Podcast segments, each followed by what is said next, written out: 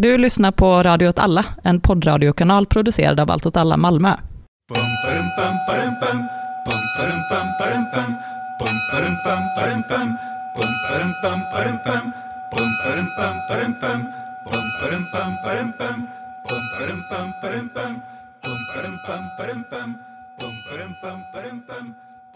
Hej och välkomna till Eld och rörelse.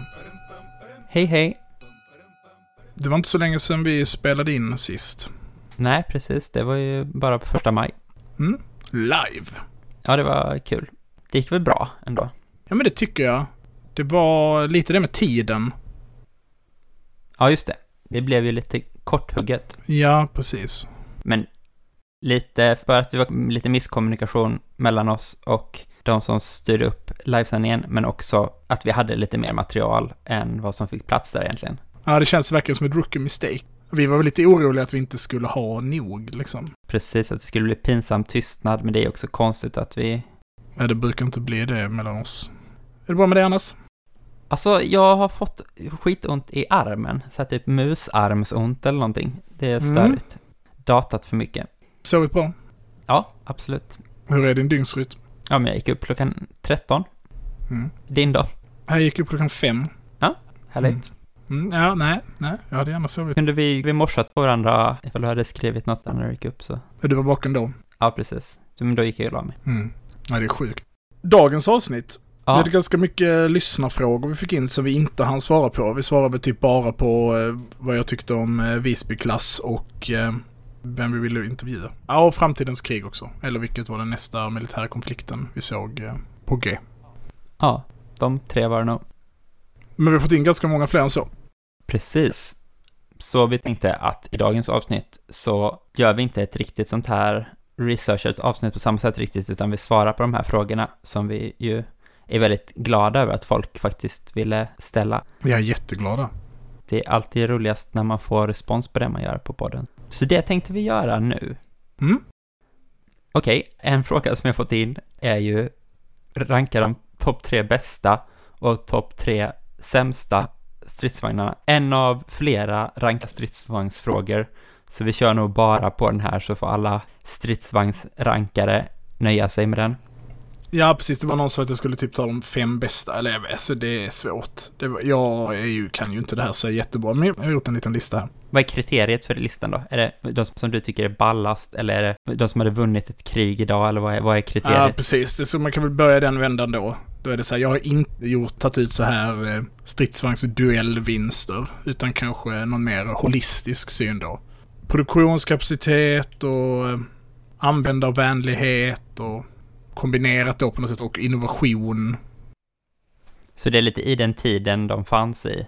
Verkligen, verkligen. Annars så hade det varit en väldigt simpel lista. Okej. Eh, Och jag har också bara tagit med stridsvagnar som faktiskt är gjorda. Alltså som, som har varit i produktion. Och inte, bara, inte några prototyper eller så. Men ifall vi börjar då. Tredje bästa nerifrån. Mm. Kommer folk jag känner här reagera kraftigt på det? Ja, det här funderade jag jättemycket på vilka jag skulle ta med. Och jag eh, skulle nu säga att Centurion-stridsvagnen, framförallt Mark 5 är en av världens bästa stridsvagnsproduktioner. Okej. Och den är liksom lite så, det är verkligen man får se det holistiskt. Stridsvagnsnoben här vill ju direkt fråga, är det brittiskt då, eller vilka är Mm. det här? Stridsvagnar med namn som är på C, vet man, eh, nästan alltid är, brittiska. Okej. De gör det av någon anledning. Sherman, Jag är på S. eh, och är den amerikansk? Ja, den är ju också brittisk. Precis, det är det som är konstigt. Men eh, Centurion, Cromwell, Churchill, Challenger, ja, och så vidare.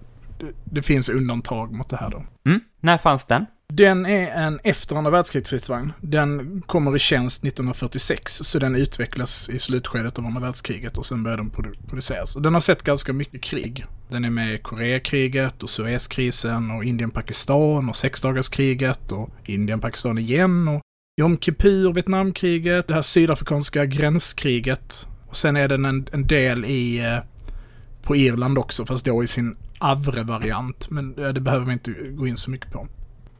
Den är en väldigt billig och den var väldigt bra för sin kostnad. Ja. Den var inte superinnovativ, men om du ser vagnarna man liksom kan ställa den mot som finns i det samtid, framför allt då Mark 5. Alltså Mark 5, femte varianten av eh, Centurion. Stod då mot eh, M48 Patton, en amerikansk stridsvagn och framförallt den sovjetiska T54. Och all in all så skulle jag säga att Centurion-vagnen, den vinner den. Den har eh, tuffare pansar än vad Patton den har. Den har en 105 mm kanon då när den är Mark 5 som var betydligt bättre än Pattons eh, kanon. Eller då M48ans kanon. Hur stod den sig mot de sovjetiska? Var? Jo, men alltså den ser framför allt ser den ordentligt med, med krig under, eller strid under eh, Jom Kippur. Och, och sen är Jom Kippur är klurigt för att då handhas eh, stridsvagnarna av eh, israeliska besättningar mot Syrien då framför allt. Och Egypten. Ja. Och eh, de använder dem väldigt, väldigt eh, skickligt. Trots att man trodde att den skulle liksom bli utklassad av eh, T55 som den mötte då, så presterar den väldigt bra. Det kan ju också ha med kvaliteten på besättningen att göra. Mm. Och den är i tjänst fortfarande.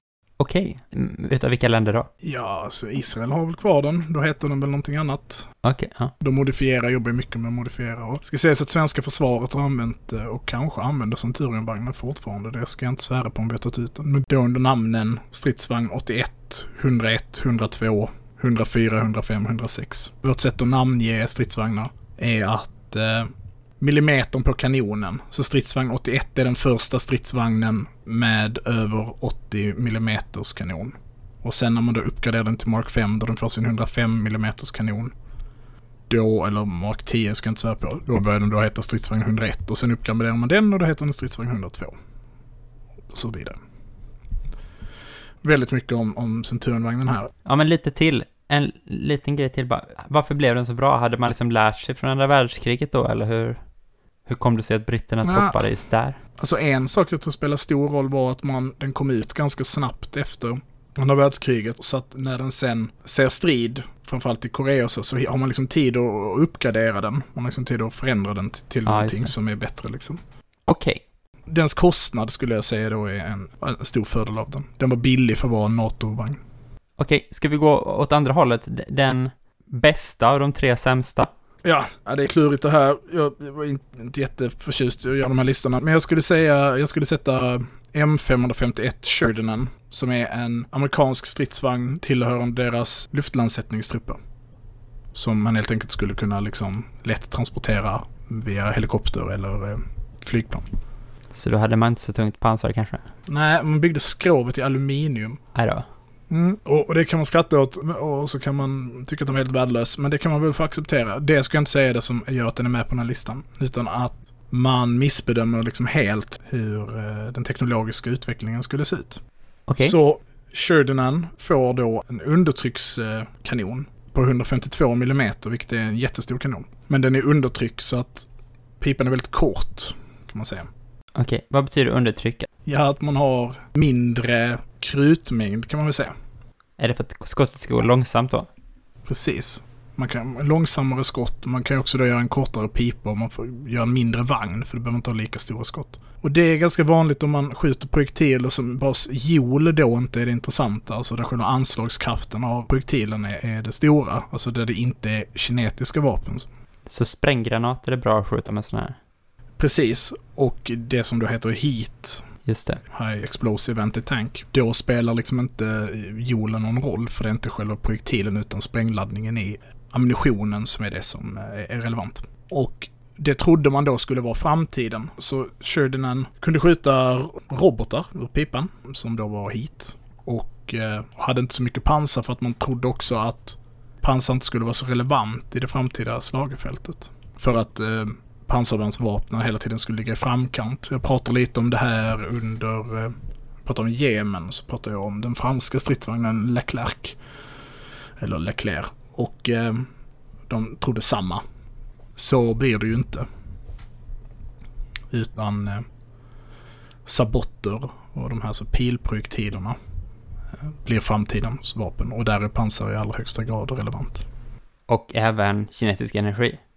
Ja, på grund av att det är anslagningskraft, anslagskraft i vapnet som är det relevant. Så misstag där, helt enkelt. Ja, Näst bästa då? ja det får gå till T64, en sovjetisk eh, stridsvagn som eh, kommer i tjänst kan man väl säga då 1964. Och det som kan vi säga som den och varför den är med på listan, för fast den inte har sett sådär jättemycket strid, är för att eh, den kommer väldigt mycket innovationer. Den, den var väldigt eh, modern, den låg kanske, man kan säga att den låg tio år före väst. Och eh, den hade kompositpansar bland annat. Vilket innebär att pansaret består av flera olika materialtyper. Och då blir det starkare och mer töjbart eller liksom vad? Ja, eller framförallt så gör det väl att... Skott stannar i ett lager istället för att komma vidare till nästa. Ja, alltså, ja, när du då träffar någonting så när du träffar kompositpansaret så träffar den här projektilen då kanske yttre lagret och då detonerar roboten eller vad det är som har träffat mot det liksom hårda skalet utanför. Och sen när den går igenom så är det en annan typ av material som tar emot kraften istället då för att gå in i vagnen. Ja. Du kan tänka dig som en, en macka där du liksom har pansar, sen typ något typ av keramiskt material och sen pansar igen. Alltså en rostad macka, så det är först skorpa och sen så är det liksom något mjukt gott vitt bröd och sen så kommer det gurka hårt igen då på något sätt kanske. N- nej. En, Nej. en dubbelmacka. Aha. Ja. Och, och, och det, det har liksom alla stridsvagnar idag, kan man väl säga. Det är liksom helt standard. Vad, vad, vad är det som är i mitten på den mackan tänker du då? Ja, keramik, så det är ingen god macka. Aj, aj, Och sen aj. utgörs brödet av pansar då. Stål ja, eller något liknande. Mm, så okej, det, är, mm, ja, det är ju ingen, det är ingen macka jag hade velat äta. Men Sticka sig till en sallad mellan två bröd då kanske?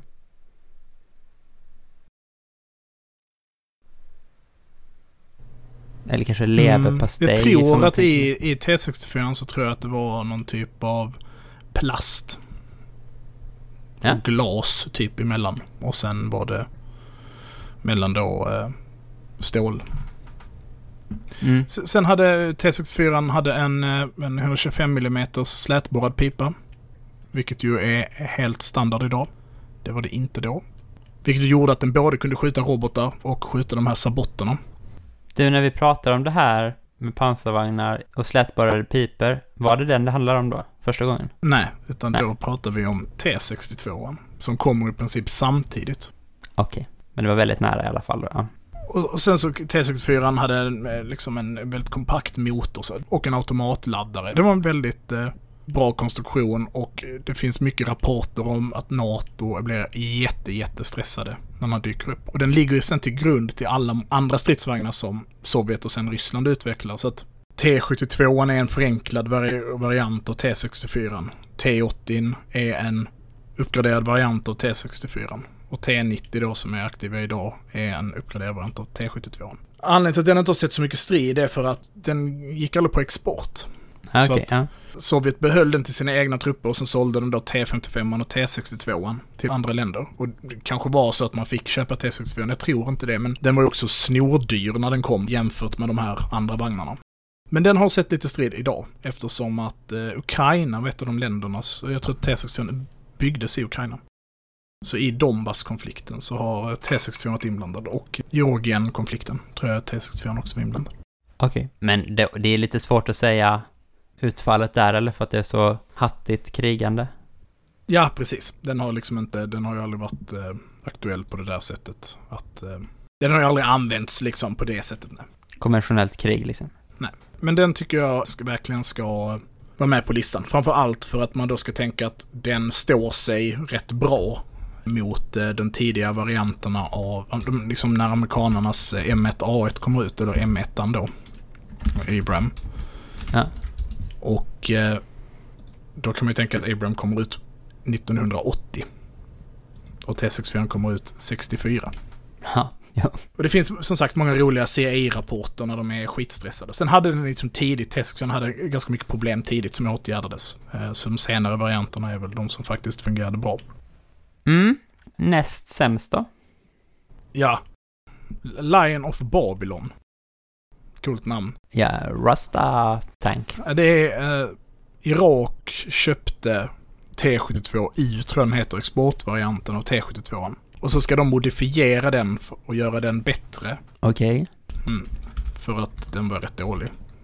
Eh, Den Mhm. fick. Även om den i Iran-Irak-kriget presterar väldigt bra. Och de i princip bara gör den sämre. När de ska uppgradera den. Hur- Hur då? Ja, men de så hängde på extra pansar som inte spelade någon roll, vilket gjorde den tyngre. Nej, trist. Allra sämsta vagnen då? Ja, eh, en Panzer 68. En schweiziskt försök att göra en egen eh, main battle tank, liksom en egen stridsvagn. Ja. Som skulle stå sig mot NATOs och Sovjets och så Ja, motsvarigheter. Och jag tror den kommer i, i tjänst 71. Och den står sig nästan. Ah, alltså den fungerade, alltså. Den hade liksom en rad problem. Om vi börjar eh, topp tre problem den hade. listan i listan här. Mm. Ja, precis. Då var liksom det, det lilla problemet den hade var att du inte kunde lägga i backen när vagnen rörde sig. Vilket Nej, är dåligt ifall Ja. du väldigt snabbt behöver Backa. backa. Mm. Vilket du kanske behöver om du är i en stridsvagn. Mm. Men det problemet är ganska litet Okej, jämfört med nummer två. att när du hade radion på i vagnen med väldigt höga, på höga frekvenser, eller med hög styrka. Ja. Då kunde tornet börja röra sig okontrollerat. Ja, det låter ju, det låter ju väldigt så slumpmässigt fel också. Att det är någon som har Mm. lött ihop sladdar eller så här. Vad, Ja men det blir jätte... Jag vet inte vad förklaringen till det här är. Jag har inte läst jättenoga om men det här här. bara snurra runt helt frenetiskt då. Nej, jag vet liksom. inte om det var så liksom Disney-filmsaktigt eller om det bara var att bara den... hackade lite. Ja. Mm. Nej, det är dåligt i alla fall oavsett. Mm. Kan man ju, det blir låg radio kan man känna ändå. ja. Det är ett ganska litet problem. Jämfört med att kanonen kunde gå av ifall du hade på värmen för högt i vagnen. Också en riktigt trist felkoppling. Ja, gjort, men verkligen. Man åker i kolonn. någon tycker det är lite kyligt om röven. Man är i Schweiz. Det kanske är ganska kallt vintertid. Ja. Ja. ja, men så Panzer 68. Jag tror att deras försvarsminister fick avgå typ när någon tidning gjorde ett skop Okej. om hur dålig vagnen Mm. var. Den har inte sett strid. Nej, ja. Tror, tror jag inte det var. De har väl sluppit det ganska mycket. Schweiz ja. Mm. Okej, den allra bästa i din lista, nummer ett. Ja, det här känns ju lite cheesy. Jag, jag tänker att de flesta kan gissa vad som kommer etta här.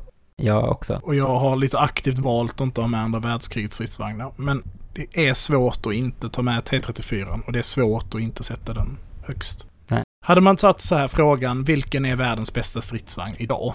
Ja. Så hade det varit typ M1A2, tror jag. I någon sån här stridsvagns och duellsperspektiv. Men om T34 aldrig hade kommit i den här balansen mellan eldkraft, mobilitet, skydd och tålighet så hade vi liksom inte haft en M1A2. För den utgör liksom grunden för hur liksom den moderna stridsvagnen sen ska te sig. Och många gånger så säger folk så, kvantitet är också en kvalitet. Men jag skulle hävda att T34 har rena kvaliteter i sig själv. Ja.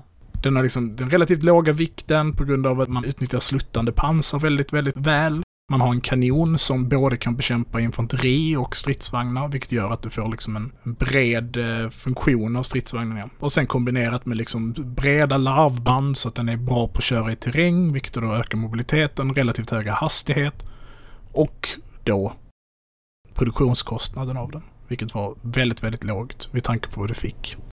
För den som inte är MÖP överhuvudtaget så kan man säga att T34 var en viktig sovjetisk stridsvagn under andra världskriget. Är det korrekt? Det är helt korrekt. Mm, Slaget vid Kursk eller så här. Mm, Ska man namedroppa det nu? kan man göra. Kolla, lite har jag ändå snappat upp Mm. dina olika stridsvagnsrants genom åren. Och T34 hänger liksom med länge. Den är känns fortfarande idag på vissa ställen. Det finns en rolig historia om att man typ i Kiev så finns det liksom, fanns det en T34-staty. Just det. Som var, en staty var bara att man hade ställt en T34 på typ 50-talet i Kiev. Ja. Som protest, eller demonstranter då, eller kuppemakare lyckas starta och köra iväg med. Hoppa in alltså- i statyn och vrida om nyckeln så... Ja, om de har nyckel i sina det vet jag inte. Nej men ja, du vet vad jag menar. Precis, och efter att ha stått utomhus då i 50 år så gick den och startade liksom. Jag, jag vet inte om det är en sann historia, men den är ju liksom verkligen känd för sin eh, slitstarkhet liksom. Och mycket av det ryktet om eh, sovjetisk eller ryskt krigsmateriel om att det är liksom tåligt och så. Det stämmer väl in på T34. Ja, det tycker jag var en bra lista ja, utan att, utan att ha någon aning om vad jag skulle sätta emot. Jag tänker att vi kanske har då fått eh, eh, tillräckligt med stridsvagnsfakta nu för att hålla några lyssnare nöjda. Ja, men det, det hoppas jag. Crowd pleasing, det ska man inte underskatta. Kanske, jag vet inte, vi kanske också har ganska många lyssnare som tyckte Som det är här var Förbannade. sjukt ointressant. Jaha, jag tänkte också de som har en åsikt också själva om stridsvagnar så tycker att din lista var helt fel. Fel låt vann. Ja, jo lite så. Det finns ju en stridsvagn som jag tänkte att jag skulle ha med på sämsta listan, men inte hade med. Bubblaren. Ja, Och det var... och det hade ju varit stridsvagn 103 då. Men, eh, ja, roligt. Mm. men eh, vi, jag tror faktiskt att vi kommer att återkomma till den. Eh, Så, Ja. Du, vad ja, kostar en nytillverkad Kalashnikov? ja. Ska vi ta nördsvaret här då? Absolut. Vad menar man när man säger en Kalashnikov? Jag antar att man menar en AK47, ja. För det är väl det man tänker är en Kalashnikov. Ja, och sen så finns det inte dem så då tänker man AKM istället. Ja, och så finns liksom, produceras det inte riktigt AKMs på det sättet längre. Inte det heller alltså? Nej, utan mm. Ryssland producerar inga AKMs. Så det finns ju liksom andra varianter. Men om vi tittar på vad som är det närmsta en AKM som finns idag. Då skulle jag säga att det är AK103. Som är alltså den moderniserade varianten av AKM. Den tredje versionen där man hade ökat millimetern till 100 på... Nej, vänta. Nej, nej, nej, nej. Och, och det är liksom en, det är helt enkelt en, en eh, den skjuter 762. Den är, det är en AKM eller då en AK47 i alla hänseenden förutom att liksom kolv och, strukturer så är lite förfinat och gjort av plast. Syntetmaterial helt enkelt istället för trä. Och den finns liksom och är i tjänst och så. Venezuelas armé har de bland annat som sitt eh, standardvapen. Och en sån går på nyproducerad mellan 600 till 800 dollar. Vilket är ungefär samma prisklass som en M4 då. Den moderniserade varianten av M16. Så det amerikanska trupper har. Och nu tror jag att fler och fler väst, alltså andra NATO-länder går över till att ha M4. Okej. Och de kostar ungefär lika mycket säger du? Ja, de ligger väl där ungefär samma. Men Jag har fått för mig att M16 var mycket krångligare konstruktion, Jo, men den har väl förfinats och massproducerat. ja, det är Mm. kanske billigare att producera den typen av saker idag än vad det varit. Men Men? Om vi då tittar på vad finns det för AKM-variant som inte är då en ytterligare en utveckling. Utan en av de här kopiorna av AKM. Så att den är lite mer real. Ja, det är liksom, det är kanske mer likt den här 60-70-talsvapnet som jag tänker att man syftar på på en Kalashnikov. Eller 50-60-tal då. Men när gör Kalashnikov sin första? När AK47 kommer, Ja, 47 kanske. 49 kommer den i tjänst. Okej. Om man då skulle hitta vad är det närmsta en AKM idag så är det typ 56-2. Som är alltså den mo- moderniserade varianten av typ 56. Och typ 56 var ju en direkt kopia av AK47 med vissa förändringar. De sägs hålla extremt låg kvalitet, de som går att köpa idag. Så har vi det, de är kinesiska. Det är den kinesiska kopian av AKM kan man säga. Och de går på ungefär 100 dollar. Oj. Det är ju ändå... Så det är, det är en stor prisskillnad. Men jag läste bland annat någon som, när man testar ett vapen, Ja. så finns det ett test som är så här. Du skjuter upp i luften och du skjuter, du håller vapnet rakt upp och skjuter och du håller vapnet typ rakt ner och skjuter för att hitta att det Och funkar. för Då. att skotten träffar på exakt samma ställe, då är det dåligt sikte. Om du kan skjuta, du ska kunna skjuta när du gör det. Och Ja. jag läste en artikel som handlade om någon vapenimportör som sa att han aldrig hade förstått det provet. Varför man gjorde det. Nej. Fram tills han testade en nyproducerad typ 56-2. När den alltså inte kunde skjuta när han höll pipan rakt upp. För att skotten liksom måste ha tyngdkraft för att liksom... Skramla runt eller liksom någonting så här. Okej, ja. Medan den typ 56-2, eh, när det var liksom vapnet eh, kinesiska armén använde så skulle den ha hållit väldigt hög eh, nivå. Så det har väl antagligen då med att det inte är lika noga. Ifall man köper åtta stycken för samma pris, så kanske man har tur att få ett riktigt fint exemplar. Mm. kan man tänka. Det kan Det- jag känna en chansning jag skulle Ja, göra. precis. Det är tråkigt att testa att ta reda på det. Men eh, i strid då. Inte för att vi ser sådär jättemycket strid i vår vardag. Annars hade det varit ganska roligt att på det. Finns väl något fall när eh, indiska armén slåss mot naxaliterna och de förlorar på liksom kompanistridsnivå, alltså 100 man liksom. De blir helt överkörda för att deras vapen slutar fungera. Eh, Ja. Ja. det är dåligt. Nu hade inte de typ 56 utan de hade någon egen, de hade någon egen variant på något vapen. Men de började skjuta i luften och då så sket det sig.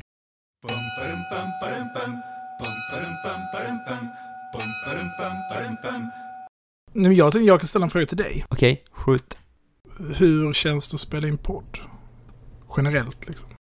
Ja, hur känns det? Alltså när man sitter och spelar in podd så känns det alltid lite störigt att man tänker, blir det här bra så liksom? Men samtidigt så är det också kul att sitta och snacka. Det är, ingen- det är ingen så gemytlig sysselsättning, helt enkelt. Men sen så som ett projekt att hålla på med i stort så tycker jag det är ganska givande faktiskt för att det får en ju liksom att tänka på olika frågor som man är lite intresserad av och så är det kul att liksom dela med sig av vad man har funderat på och så får man liksom respons från andra och så som säger vad de tyckte var bra och dåligt och så. Och hur hanterar du kändisskapet liksom? Jag har ju slutat gå ut på stan då för att, Det är mycket selfies och... ja, ja precis. Mm. Ja, nej, det, det, nej men det, alltså, det är väl, ma- man blir generad när folk skriver på Twitter att de tycker saker var bra. Folk, människor man inte känner. Det är ja, det faktiskt är konstigt. jätteroligt. Är det. Ja, det är jätteroligt men det är också, det är lite weird faktiskt. Har du, du som person som inte är min mamma eller kompis har lyssnat på det här jag gjort, okej, och tycker det är bra, det är konstigt. Ja, Jag tar bara emot feedback från eh, familj. du säger det, men det är inte sant. Nej, det är inte sant. Du, du bara ska spela cool. Ah, ja. Min pappa, min pappa tyckte vår livesändning var jättebra. Superproffsigt, skrev han. Ah, Tänkte jag. härligt. Tack för den här ärliga feedbacken pappa. Känns jätteskönt att du, Lita på vad. Mm. ja, men att du bedömer det här liksom helt utan bias liksom. Det är verkligen, det är bara... Mm. Hur känner du själv då? Ja, men jag tycker det är väldigt roligt faktiskt. Jag tycker det är kul. Eh, Jag tycker även att det tekniska är ganska roligt och så. Så att jag, och liksom hitta lösningar och, och även klippa och så tycker jag är rätt roligt. Nej men jag tycker det är kul. Mm. Det, jag tänker att det är bra för min relation också. Till mig? Nej, min, min huvudsakliga relation här i livet. Ah! Eh, Talat om mina... mamman till mina barn. Eh, ja. Nej. Eh, för att hon slipper prata med mig om de här sakerna. Ah, ah, jag förstår. Det är en avlastning. ja, precis. Så hon är väldigt stöttande i det här projektet. Mm. Ja, men det är härligt. Mm. Mm, ja. Näst, nästa fråga, du, då blir det en seriös fråga då bestämmer jag. Mm. Hur skulle en invasion av Iran fungera? Och samma fråga angående Venezuela, rent strategiskt. Och då tänker jag mig att man tänker sig i, i termerna av hur det har aktualiserats på senaste, att USA har ju ändå hintat lite väl. Mm. Det är så säga. vi ska förstå det va? De har ju flyttat dit, eh, framförallt utanför Venezuela, så har man ju flyttat dit eh, deras så här militariserade kustbevakning som ska bekämpa knarksmuggling. Eftersom att de kommit fram till att Maduro är misstänkt för droghandel tror jag. Just det. Ja. Starkt. Mm. Ja, det är verkligen extremt Ja, det är dumt. roligt. Ja. Ja, ja. Men, ska vi ta dem en och en? Vi tar det som är gemensamt för dem kanske. Ja. Så kan man ju börja vara så här. Hur invaderar USA länder? Eller hur krigar USA? Man kan väl säga att USA förlitar sig väldigt mycket på det som kallas liksom combined warfare. Att man använder luftunderstöd och artilleri och liksom marktrupper väldigt gemensamt. Så här. Det är liksom, utan att gå in för djupt på det så kan man säga att man då gör att fienden inte kan skydda sig mot något av angreppssätten. För att de liksom tar ut varandra. Tänk, eh, tänk det som att krig är en slags påse och USA försöker göra alla tecken samtidigt. Ja. Coolt. Ja, mm. nu försökte jag visualisera hur det skulle se ut. Jag ser det framför mig, det är riktigt nice. Ja, det är typ saxfingrarna ihop. Ja, skitsamma. Det är gang sign på något sätt liksom. Mm. Mm. Och det som skiljer liksom Iran och Venezuela från Irak då, om man ska för det är ju den liksom mest samtida militära interventionen eller invasionen som USA har gjort. Så är det att både Iran och Venezuela har betydligt modernare luftvärnssystem. Men överhuvudtaget ett riktigt försvar också va? Alltså jag menar... Fast det hade Irak också. Det tror jag inte man ska, både under Gulfkriget och, och 2003. Nej, det tror jag inte man Gulf- ska liksom... Okej, ja. Jag har ändå fått uppfattningen lite att, att Gulfkriget så kanske man hade det, men sen så andra Irakinvasionen var det ganska mycket en omedelbar kollaps liksom. Jo, men då, ja. Utan att fastna för mycket i Irak så kan man väl säga att Irak inte hade haft möjligheten att modernisera sin armé på grund av alla sanktioner och blockader mot landet. Och att man svalt ut landet under ganska lång tid. Och det kanske även med sanktioner så mot Iran och Venezuela så har de ändå en armé som är i ordning på något sätt. På Ja, sätt. ja men visst. Så. Men alltså revolutionära gardet i Irak, tror jag de hette även där. Det var liksom inga lågt motiverade trupper. Utan det var liksom en Ja. riktig, riktiga stridskrafter. Så. Och alltså vadå, USA har ju inte tagit Irak. De vann det kanske det konventionella kriget och så Bagdad Bob så. Men det är inte så enkelt att säga att USA bara vann det där. För den historien är ju inte över. Och nu har de ju varit där sedan 2004. Det är 16 år. Absolut. Samtidigt så kan man inte riktigt säga att det är Saddam som är fienden längre då liksom. Alltså, men, Nej, nej visst. Men tillbaka då till Venezuela och Iran. USA förlitar sig i väldigt hög utsträckning på attackflygplan och eh, nu då även drönare. Alltså olika luftburna farkoster som skjuter markmålsrobotar för slutpunkter. Men även spaning då, vilket ju blir extremt viktigt. Nu pratar vi om något tidigare avsnitt, eh, jag tror det är om, eh, det avsnitt om krig. Hur liksom informationstekniken förändrade kriget. Så. Och då är ju även i förlängningen olika typer av ballistiska robotar och så. ja, just det. På grund av det luftvärnssystem som Venezuela och Iran har, alltså olika varianter av S-300, plus då massa andra saker. Men stannar vi vid de stora strategiska luftvärnssystemen då. Så är det så att ett aktiverat S-300-system som är verksamt verkar avskräcka USA från att använda sina flygplan. Sen har vi den här konstiga situationen just nu i Syrien. Ja, precis, jag ska säga det. Där har de väl det och USA bombar ändå. Men så vet, nej, ja, nej, Israel bombar. USA bombar inte. Ja, men USA har bombat tidigare, eller hur? Ja, fast inte på det sättet. Inte mot eh, syriska mål på, i syriskt territorium, så att säga då, eller under Assad-kontrollerat territorium. Vadå, inte som en när de skulle straffa dem för... Nej, det kanske var att de sköt missiler på... Då sköt de Tomahawk-robotar. Och då sköt ju även Assad ner en hel del Tomahawk-robotar. Okej, Med hjälp av sina S-300-system. okej. Frågan om varför S-300 inte verkar aktiveras och skjuta ner israeliska stridsflyg är en helt annan fråga liksom. Men antingen fungerar de inte eller har Israel lärt sig störa ut dem eller så vill de inte skjuta ner dem utan siktar på att skjuta ner robotarna som flygplanen skjuter. Det brukar de ju gå ut och säga efter varje eh, gång det att... varit. Om man läser när Iran får tillgång till S-300 så beskriver liksom USA detta som ett jättestort problem, vilket omöjliggör att de ska kunna invadera Iran i princip. Och när är det? När de får tillgång till eh, S-300? Ja. Ah, Det vet jag faktiskt inte. Jag tror att det är, kan det vara 2010? Okej. Jag kan kolla upp när de får den. Ja, 2016. Det är 2010 de, de bestämmer sig. Det är då avtalet eh, börjar gälla. Sen förstör FN då det med hjälp av sanktioner och då levereras inte de här systemen. Och sen så 2016 så levereras de till Iran. Då säger sig Iran dock redan ha utvecklat egna S-300-system. Vadå, genom att de fick tekniken från Ryssland innan då, eller? Ja, eller något. Och de har också de här Tor M1-systemen eller SA-15 Gauntlet som eh, NATO kallar dem. Det är den som skjuter ner det här eh, civilt passagerarflygplan. Okej. Poäng nummer ett. USA kommer inte helt blint kunna förlita sig på sitt, sitt luftherravälde eftersom att det kommer vara hotat då av eh, moderna luftvärnssystem. Så skulle det innebära då att de gjorde en, en konventionell markinvasion understödd av olika ballistiska robotar och fartygskrafter.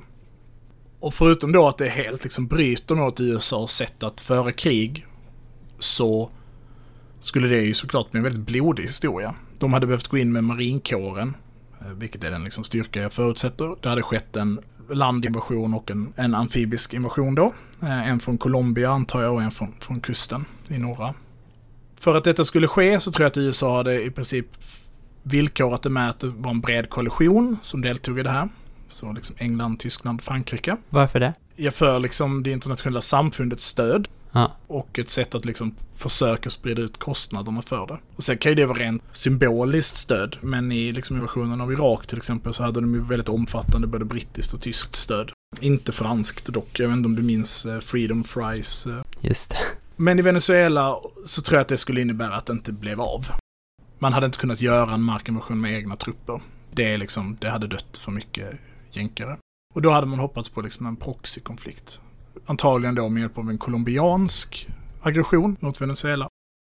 Och det kanske hade gått rent militärt för att ta liksom låglandet, när man kan använda stridsfordon och så. Ja. Men Venezuela till väldigt stor del består av väldigt otillgänglig terräng, alltså berg och, och, och liksom tät skog. Och då skulle det igen komma ner till klassisk infanteristrid. Sen har ju liksom Venezuela då en, en modell som är en totalförsvarslinje då, helt enkelt, där man har jättestora paramilitära strukturer, civilförsvar och hemvärn. Där man liksom räknar med att för en miljon soldater och sånt, de eh, hoppades att de skulle kunna få ut, beväpna och få ut det var en sån paramilitär struktur som idag, eh, tisdagen den 5 maj, eller igår förlåt, måndagen den 4 maj, grep eh, amerikanska legosoldater som försökte gå igen i Venezuela.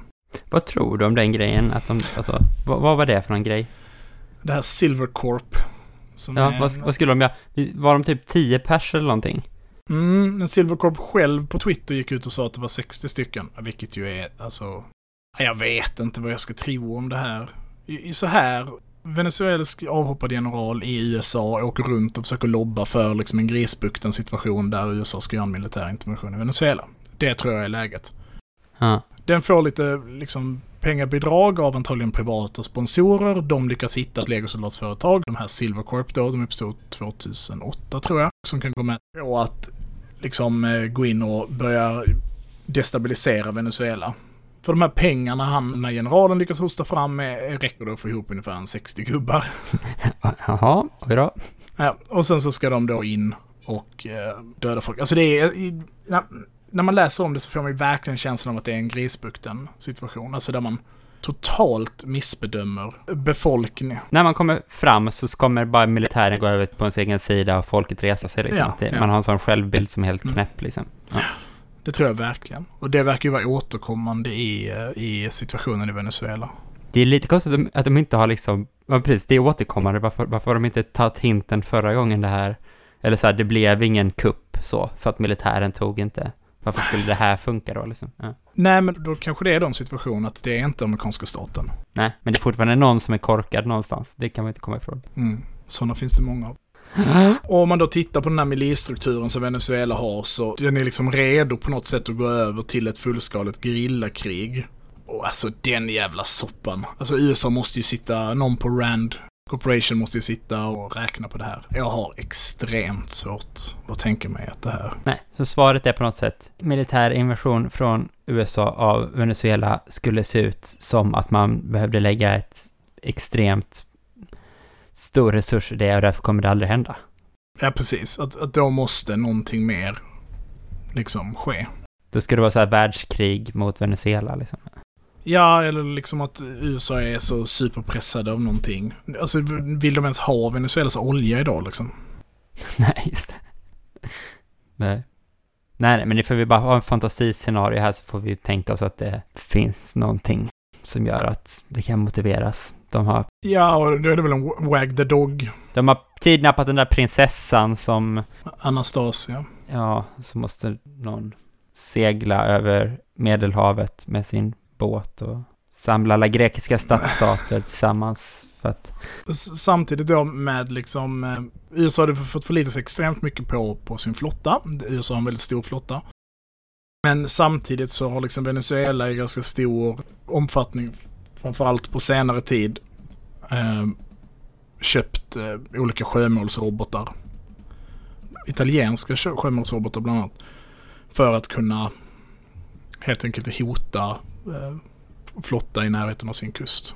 Och det räcker ju att en, en sån robot träffar ett hangarfartyg eller så är det ju liksom katastrof. Aha. Det är bra med, med robotar och luftvärn Mm. generellt, kan man säga robotar det? är bra, ja. Jag fick ju frågan någon gång om jag var intresserad av stridsvagnar. Jag ska säga att jag inte är det. Jag är intresserad av robotar. Robotsystem är det som är spännande. Igår var ju årsdagen för, alltså 4 maj, för när eh, argentinska luftvapnet eh, sänkte en brittisk eh, jagare. Samma dag som Haymarket alltså. Det är... Mm, det är sjukt. Vilken slump. Nej, men eh, med hjälp av en robot. Om man då tar Iran då, som kanske har lite tillgängligare terräng, så skulle jag säga att exakt samma sak gäller där. Det är bara att Saudiarabien ska vara proxykrigaren istället. Ja, och det kommer ju inte hända.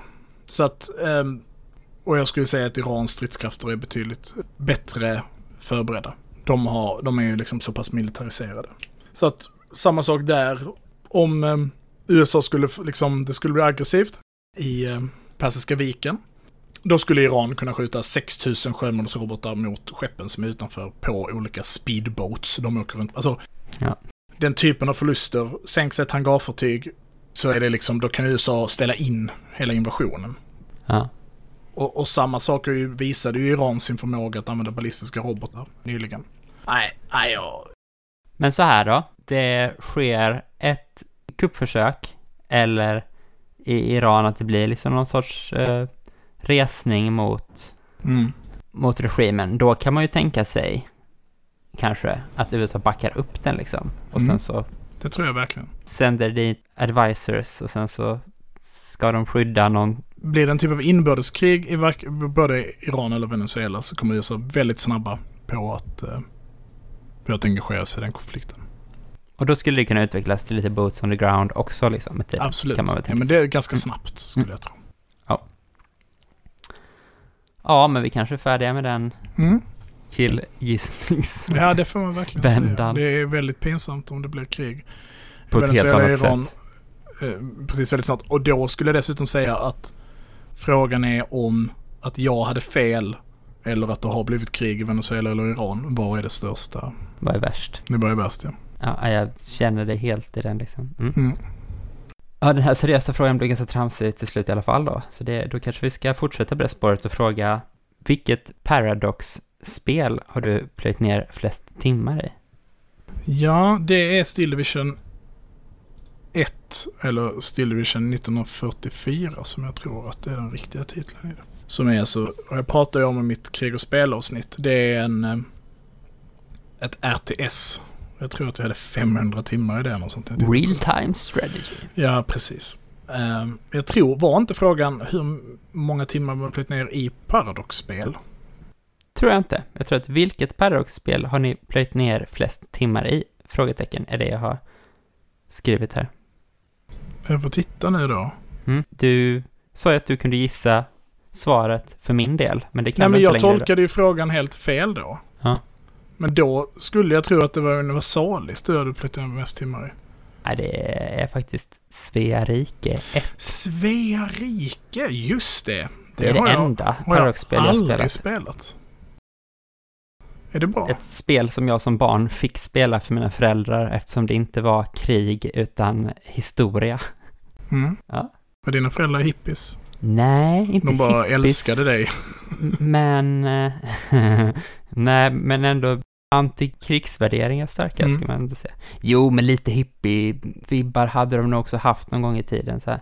Min mamma brukar lyssna på det här ibland, så hon kan ju... Du kan fråga det. Ja, men jag tror att jag, när jag frågade så säger hon nej och så säger jag jo, för jag ser att du har ett fro på den här bilden. Men då säger hon det är bara vinden som blåser så håret står upp, så har vi en diskussion om det. Men om vi ställer frågan så här till din mamma då. Varför lät ni inte Myran spela krigsspel och hur känns det idag att han gör en podd om krig?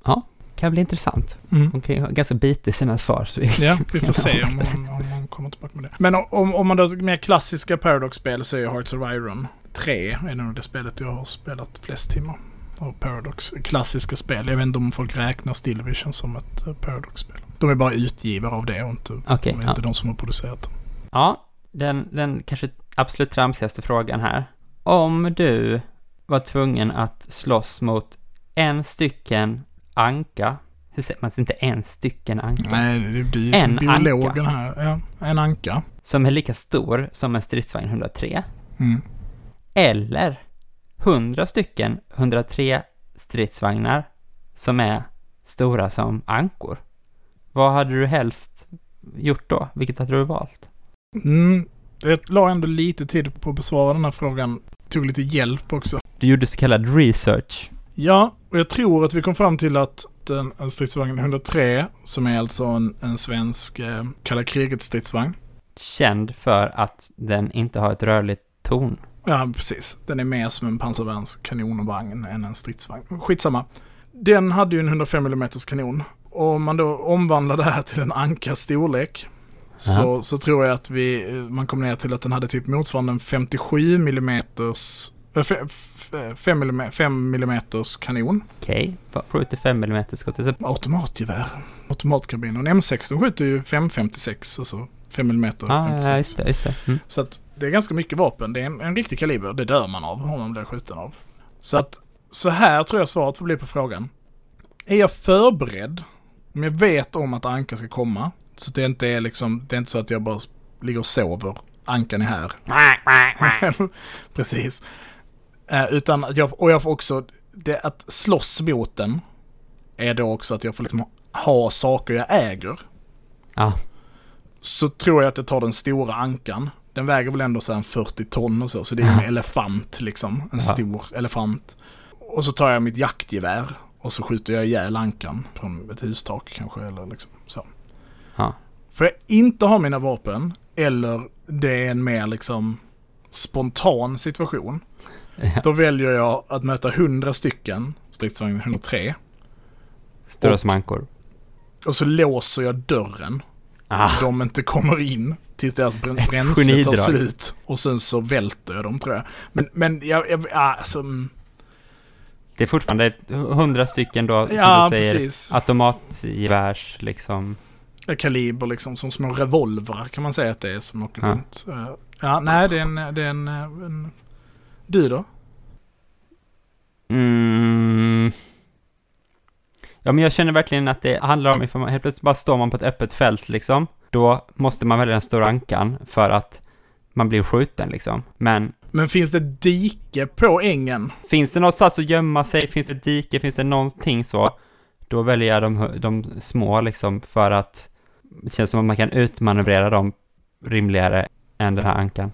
Alltså en stridsvagn 103 kan ju inte köra över dike.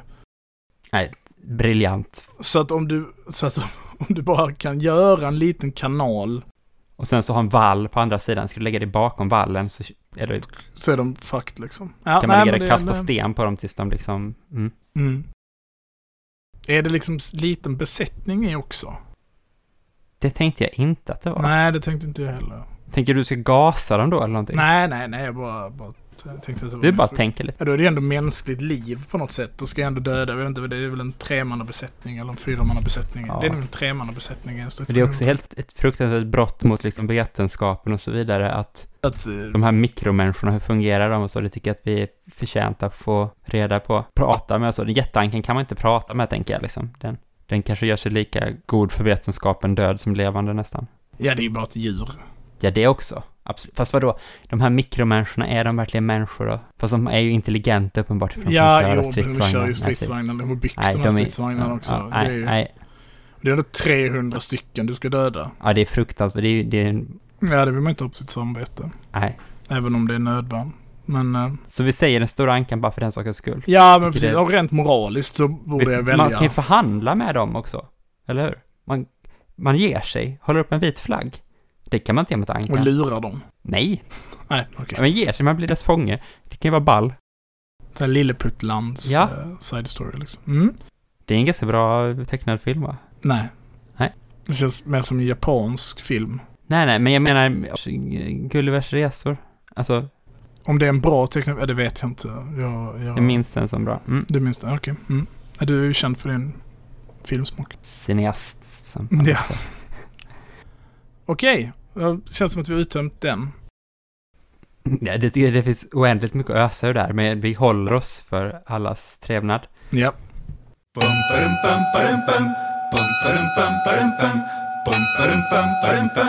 Mhm.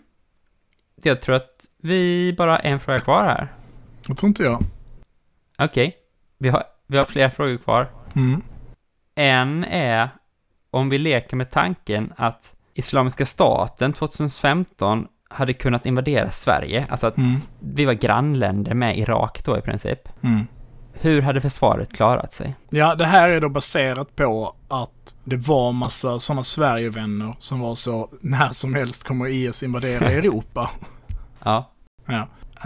Det visste jag inte att det var, frågan var, men det... Ja. Ja. men det är, liksom, det, det är så ursprunget då liksom. Och att det var en vidareutveckling då var att det var en gräns vid Skåne. Att eh, Syrien och Skånegränsen då, att det satt ihop. Dåligt skulle jag säga att Sveriges eh, försvarsmakt hade stått sig. Jag har räknat lite på det här. Bra. 2015 så uppges IS ha ungefär 200 150 till 200 000 eh, medlemmar. Och för mattens skull så säger vi att de har 100 000 kombatanter. Eh, Var det så sen- mycket alltså? Shit. Ja, Ja. det, det är lite... s- trots att- Mm. Vi måste utgå från något. Det är en siffra Ja. jag har hittat. Vi, vi kör på den. Hittat på. Mm. Jag har inte hittat på den. Nej. Svenska försvarsmakten, Ja. 2015-ish, hade 426 aktiva soldater. Mm, ja, det, man Ja, hör det, det här. är, det, är, det är Man får en känsla här. ja, det är dåliga, dåliga siffror. Eh, Stående styrka då på Mm. 14 600. Och reservstyrkor på eh, 32 000. Och av, av då liksom totalt då de här... Vad, vad, vänta, vad betyder de här olika sakerna du sa just nu? Ja, jag är, alltså en stående styrka är väl eh, personer som kan, eh, som, som är, nyligen har gjort eh, GMU eller då värnplikt och eh, kan eh, Ta en kallas in på- väldigt snabbt. Och en reservstyrka är liksom, när man med börjar skrapa ur.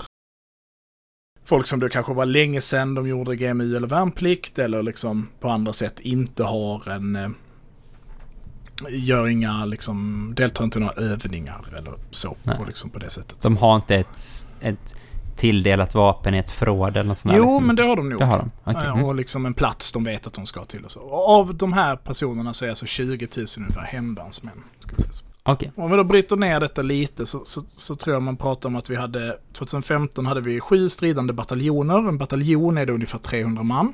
Det är alltså tre kompanier. Eh, två luftvärnsbataljoner. De är inte så relevanta.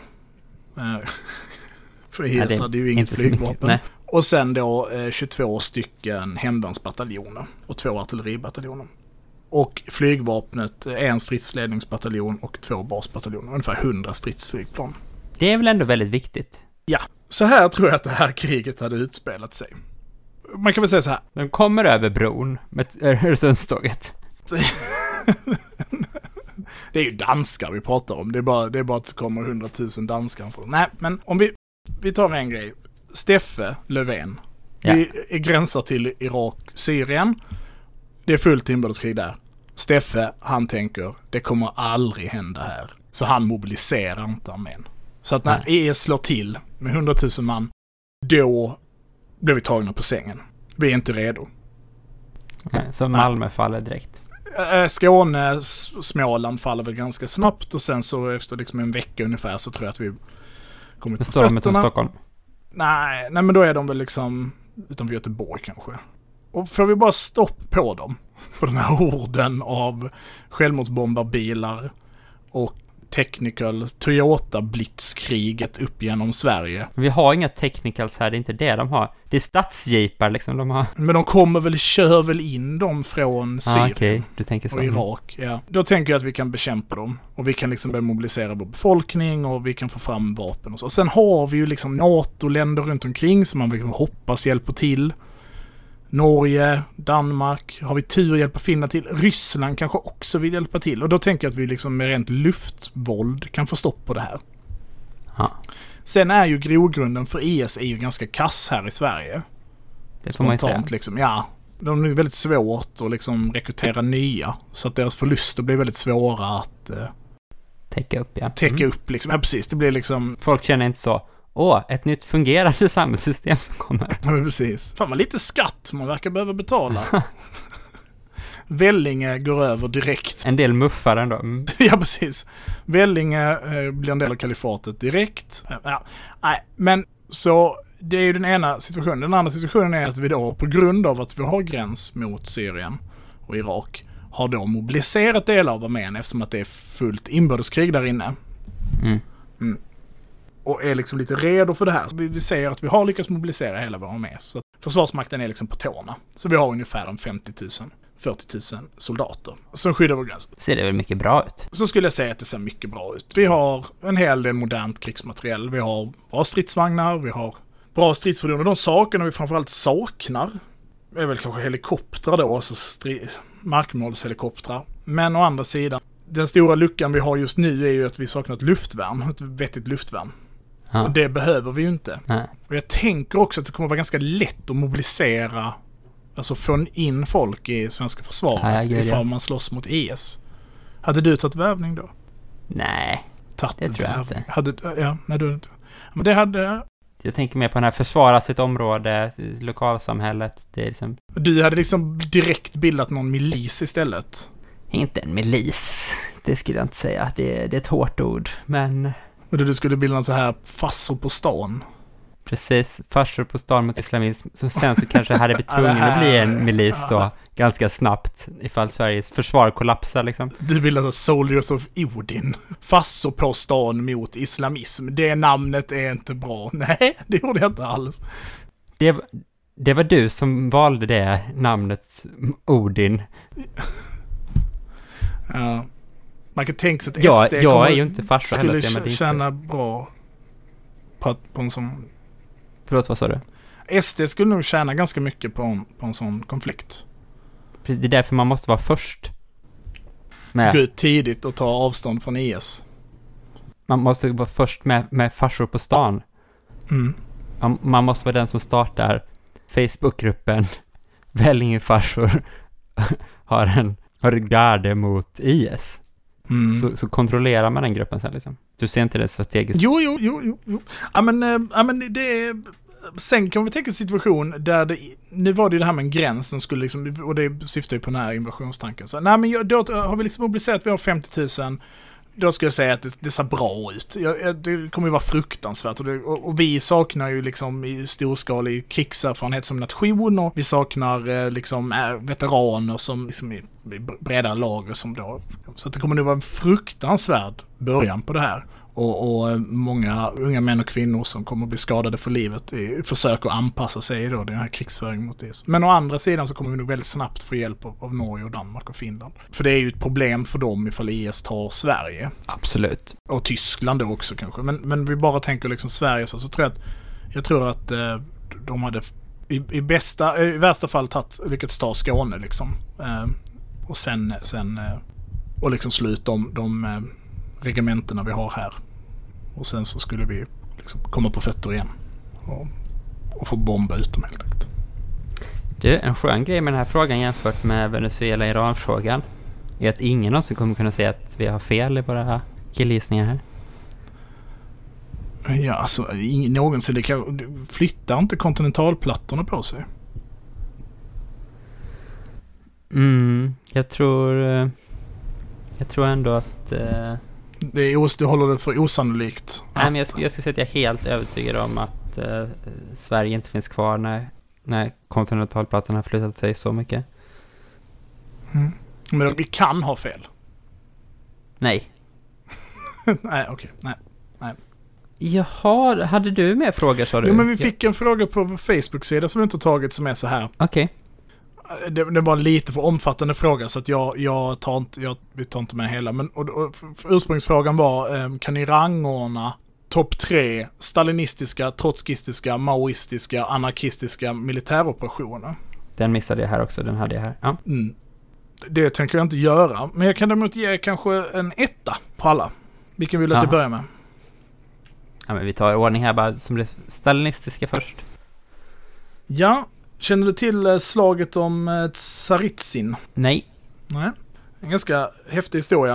1918 till 1920, slaget om staden då, belägringen av slag, staden eh, Tsaritsin. Men ursäkta mig. Mm. Stalinismen kan man inte prata om före 28, tycker inte jag. Nej, det kanske man inte kan. Men det är ju Stalin som leder försvaret av den här staden. Det- Cheesy, okej, men visst, okej. Mm. Mm. Så jag tycker ändå kanske att man får, får prata om det. Ja, ja, okej. Mm. Och man kan väl, om man ska sammanfatta slaget om den här staden. Stalin då var eh, ordförande i militärkommittén i den här staden. Och bröt liksom mot order från Moskva då, liksom från Röda arméns eh, centrala ledning. Och kallade tillbaka trupper som stred i, i Kaukasus för att skydda staden. Och när staden höll på att falla för de vita krafterna så anföll eh, de här trupperna från Kaukasus i, i flanken på de vita trupperna och på så sätt så knäckte man det vita anfallet mot eh, Tsaritsyn. Tsarens stad då, som det betyder. Ja. Mm.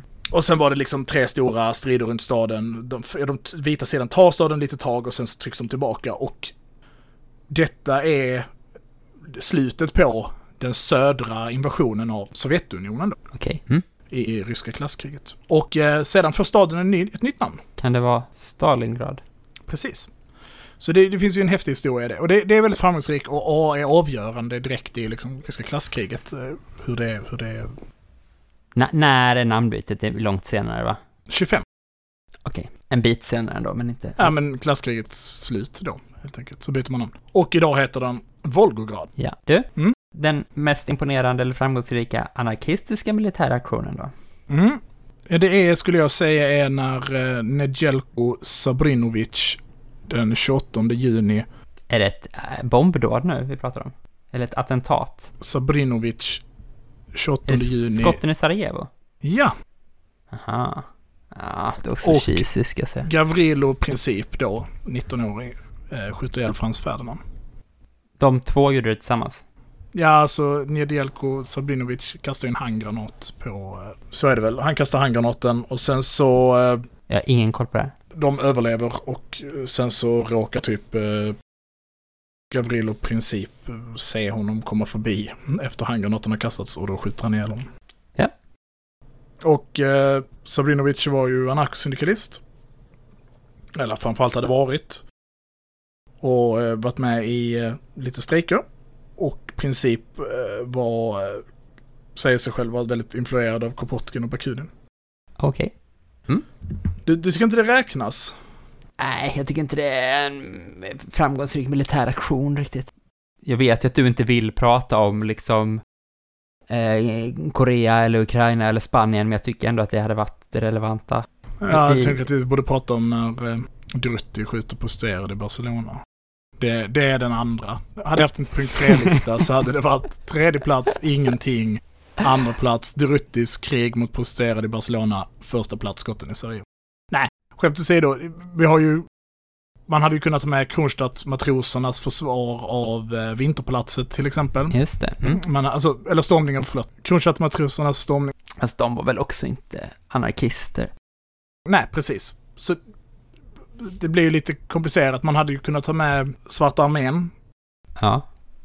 Till exempel, jag hittar liksom inga så superspecifika specifika militära operationer där som jag tycker sticker ut, utan det är lite som när man läser om, om ryska klasskriget, att det är liksom så här, ja men det, om man tänker liksom, vad är en, verkligen en avgörande viktig händelse i historien som en sån grupp ligger bakom. Det var mer så jag tänkte. Ja, nej, det kanske också kräver att man läser på lite liksom specifikt om till exempel den här koreanska anarkistiska armén som upprättade eget territorium i Manchuriet liksom. Vad, vad, Jo, men att skotten i Sarajevo sker ju i en, en separatistisk kamp för Serbien. ja. Och kan ju därför ses som en militär aktion. Ja, fast det kan det, man, man brukar prata om det som ett liksom terrordåd eller du, Mm. det är ju lite så. Någon kastade en handgranat, så då kan någon gå åt ett håll och så sköt någon annan dem. Det liksom... Hurpedurpedurp. Jo, fast de, ja, de, de, de eh, Vidare. Den mest framgångsrika eller imponerande trotskistiska militära aktionen genom ja, historien. men du kanske blir missnöjd här också. Ja, men det blir säkert, men det blir det som är roligt. 6 september 1918, bildandet av Röda armén, segern i ryska klasskriget. Ja. ja, men det är väl lite, det är väl också det att, att man bildade Röda armén var väl inte en framgångsrik aktion i sig. Men, men- militär op- operation. Man övergår från att vara eh, rödgardister, Röda garden, bildar Röda armén. Man vinner. Operation, operation, döda tsaren och hela hans familj genomförs och, och lyckas. Ja, jo. Eh, vidare. de, den mest imponerande Ja, du kommer bli, här kommer du bli nöjd då. Ja, men när du säger ett slag på samma sätt som du gjorde med, med eh, Stalin, och att det också är stalinist och inte Stalin som person, då hade jag varit nöjd. Ja, men ska jag ta slaget vid Kursk då? Har du varit nöjd då? Ja, men det hade jag kanske varit. Bara på vilket sätt är den stalinistisk? Det var under Stalins ledning, och man hade industrialiserat fram T34 Mm, genom Precis, hans... det du hade velat var så att den mest lyckade militäroperationen var omställningen av traktorfabriker till stridsvagnsfabriker. Det är, det är intressant att ta upp det, för det var precis det svar jag själv skulle gett faktiskt. Eh, den, den mest imponerande maoistiska militära aktionen genom tiden. Jo, och det finns ganska mycket att ta av eftersom att Mao var Mao och den, det kinesiska kommunistpartiet var väldigt skickliga på partisankrigsföring och Mao liksom utvecklar ju, Det var inte det att han skrev en bok om, en, en vet det, diktbok eller någonting, lite... det är inte det som är svaret på den här. Ah, okej. Nej, det hade känts lite mer in line med tidigare. Ah, okej. Och lägger liksom grunden för hur man, hur man bedriver gerillakrigsföring och så. Men jag jag har inte valt en gerillakrigsföringsoperation då, utan det Okej. som kallas Mm. för Second Phase Offensive. Som helt enkelt är eh, mellan 25 november till 24 december 1950. Som är när Kina går in eh, i Koreakriget. Okej. Och driver tillbaka i princip då den här FN-truppen då, man kan ju läsa USA. Eh, från, ja, i princip hela Nordkorea. Det som idag är Nordkorea. Okej. Mm. Och då slåss de, alltså det sk- det skickliga med militäroperationen är väl framför allt att de lyckas typ infiltrera Korea med en miljon soldater utan att någon upptäcker det. Eh, La, la, la, la. Ja, det är det, Nu förs inte de in på det sättet, men det är liksom tiotusentals soldater som förs in under en natt utan att någon lägger märke till det. Och sen så bedriver de anfallskrig i fruktansvärt väderklimat, alltså ner till minus 30 i bergen. Ja. Och eh, driver tillbaka de FN-ledda trupperna. Och det är ganska Det kan man läsa mer om om man är intresserad av Korea. Vad Jag var inte- Kims roll i det där? Vem? Kim? Ja, han ledde väl de, de eh, nordkoreanska trupperna. Eller Ja. de kommunist, koreanska kommunistpartiets trupper. Mm, Vad de hade blivit tillbakadrivna hela vägen? De fick ju riktigt med stryk. Riktigt stryk. De, FN, den FN-ledda eh, interventionen i kriget eh, drev ju till, tillbaka dem. Så det här Eh, med att han var den stora generalen som befriade hela Nordkorea på egen hand och så, det känns ju lite som att du snackar ner det nu då, på något sätt. Mm, Mm. mm, ja, men det, det kanske jag gör. Ehm, Jag läst på Tumblr annars att så var det. Jag tänker ju annars att man kan räkna att den nordkoreanska liksom, styrkan i kriget var ungefär 260 000 soldater. Och den sydkoreanska styrkan i kriget var 500, 590 000 soldater. Så att, att, det, att de höll ut så länge som de gjorde Det kan vara till deras. kan vara imponerande. Och sen ska du tänka att de hade en halv miljon amerikanska soldater och nästan 100 000 Commonwealth-trupper då, alltså från England, Australien, Nya Zeeland och så vidare. Eh, Så att det kan man säga är imponerande. Sen så är det ju det att Kina går in med en miljon soldater då, eh, som eh, förändrar. Det förändrar spelplanen lite. Mm. Men det är ju ett frukt- Koreakriget är ju verkligen ett fruktansvärt krig. Behöver vi inte... Dwell on that, men mm. Du, eh, sen, vi kanske inte har haft frågor riktigt, men man har haft en del frågor om så här, stämde det här verkligen det ni sa i olika avsnitt? Det kanske man kan dwell on också bara. Per Öberg till exempel säljer inte kollodialt silver, det var ju en tabbe att säga det i, i något avsnitt. Abdullah Gül var inte president först, utan premiärminister först. Ska du bara sitta nu och rätta alla fel vi har haft? Ja, Men är inte det bra? Vi har haft så jävla många fel. Hela Irlandsavsnittet.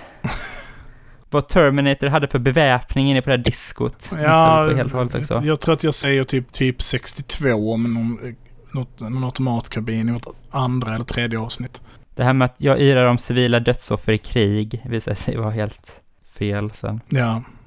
Att kulturrevolutionen innehåller det intressanta aspekter känner jag mig också lite tveksam till efterhand. Att jag hävdade det. Ja, ja. Hur tänker du att vi ska avsluta det här avsnittet? Dels eh, kan vi säga att vi tyckte det var väldigt roligt med frågor. Att få det. Det kanske vi sa förut också. Man kan säga det en gång till. att vi hoppas vi kunde crowdpleasa lite här med att svara på dem i ett avsnitt efteråt. Att vi kommer vara tillbaka med ett riktigt avsnitt nästa gång. Och sen kan vi väl säga att vi avslutar med den här låten som vårt husband gjorde till första maj livesändningen så att alla som bara lyssnar på den inspelade podden här också kan få höra den. Men det är ju jättebra. Eller sa du det nu? Eller ska vi säga det nu? Jag sa ju det nu, så Ja, det, det, Nu är det sagt. Så, så tänker jag också att man vill säga att man jättegärna får eh, ställa frågor. Man får jättegärna skicka in frågor. Det var jättekul att sitta och researcha lite och eh, titta runt och, och fundera på de frågor Ja. som ställts in. Så Ja. det får man gärna göra. Så när vi antingen fått upp tillräckligt mycket så gör vi väl ett nytt eh, frågeavsnitt eller så tar vi tidigt vanligt avsnitt och svarar på, på lite frågor. Yes. Ehm, vill du introducera låten precis som du gjorde på livesändningen? Ja, vi, det är vårt husband Maxim som har eh, gjort en låt. Och vi valde den här låten eh, tillsammans som en eh, påminnelse och liksom lite för att understryka att vi liksom kan prata om krig som något spännande och intressant och lite raljant och så. Men, men påminnelse om att, att eh, krig är något eh, fasansfullt och, och vidrigt. Och att man gott kan komma ihåg att vår rörelse har en stark antimilitaristisk tradition och kämpat för fred och stått på rätt sida i historien i nästan alla krig som har skett. Från Rosa Luxemburg till Irakprotesterna. Den här låten, Till ungdomen, är skriven av eh, Nordal Grieg, en eh, norsk eh, krigskorrespondent, författare, poet, dramatiker och kommunist. Som dog 1943 i ett eh, brittiskt bombplan över Berlin. När han i sin roll som krigskorrespondent eh, följde med brittiska bombpiloter. Han rapporterade från spanska klasskriget och han skrev den dikt som, eh, som senare blir låten till ungdomen. Som nog de flesta förknippar med terrordådet på Utöya. För att den spelades på minnesceremonier och så. Precis. I en lite förändrad eh, variant. Detta är alltså ursprungstexten kan man säga. Något försvenskad kanske. Något försvenskad. Tack för idag. Tack så jättemycket för idag. Hoppas ni uppskattar ett frågeavsnitt. Mm. Hej då! Hej då!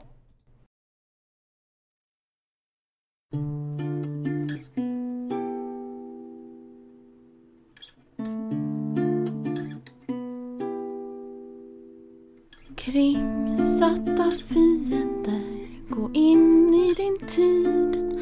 Under en blodig storm, vig dig till strid.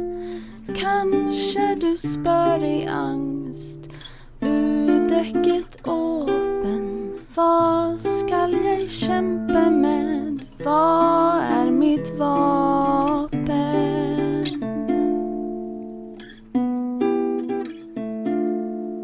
Här är ditt värn mot våld, här är ditt svärd.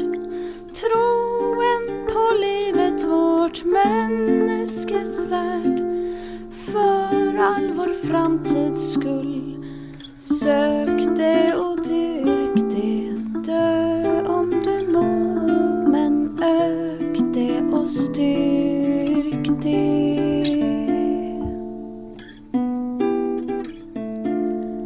Stilt går granaternas glidande bond Stans deras drift mot död, stans med ond. Krig är förakt för liv, fred är att skape Kast dina kräfter in, döden skall tape.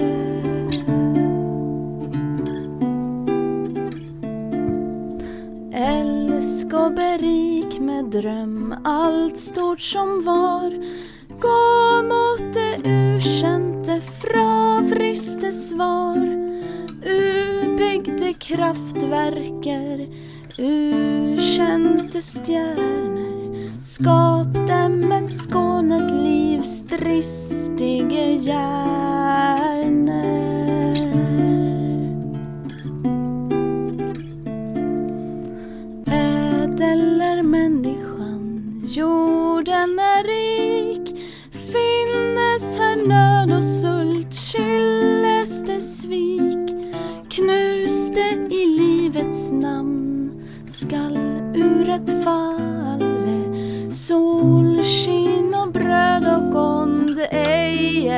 Ejes av